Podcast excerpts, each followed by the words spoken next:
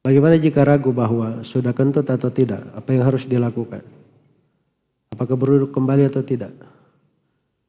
Kalau dia yakin sudah beruduk, dia ragu kentut, maka itu tidak ada silam pendapat di tengah para ulama bahwa dia tidak mengulangi wudhunya. Dia buang keraguannya. Tapi kalau dia ragu, dia tadi hadas, apa dia yakin tadi sudah batal, kemudian dia ragu tadi sudah wudhu atau belum. Nah ini juga sama posisinya. Di sini tidak ada silam pendapat bahwa ini dia wajib beruduk. Karena dilihat pada asalnya. Asalnya yang meyakinkan itu yang dipegang.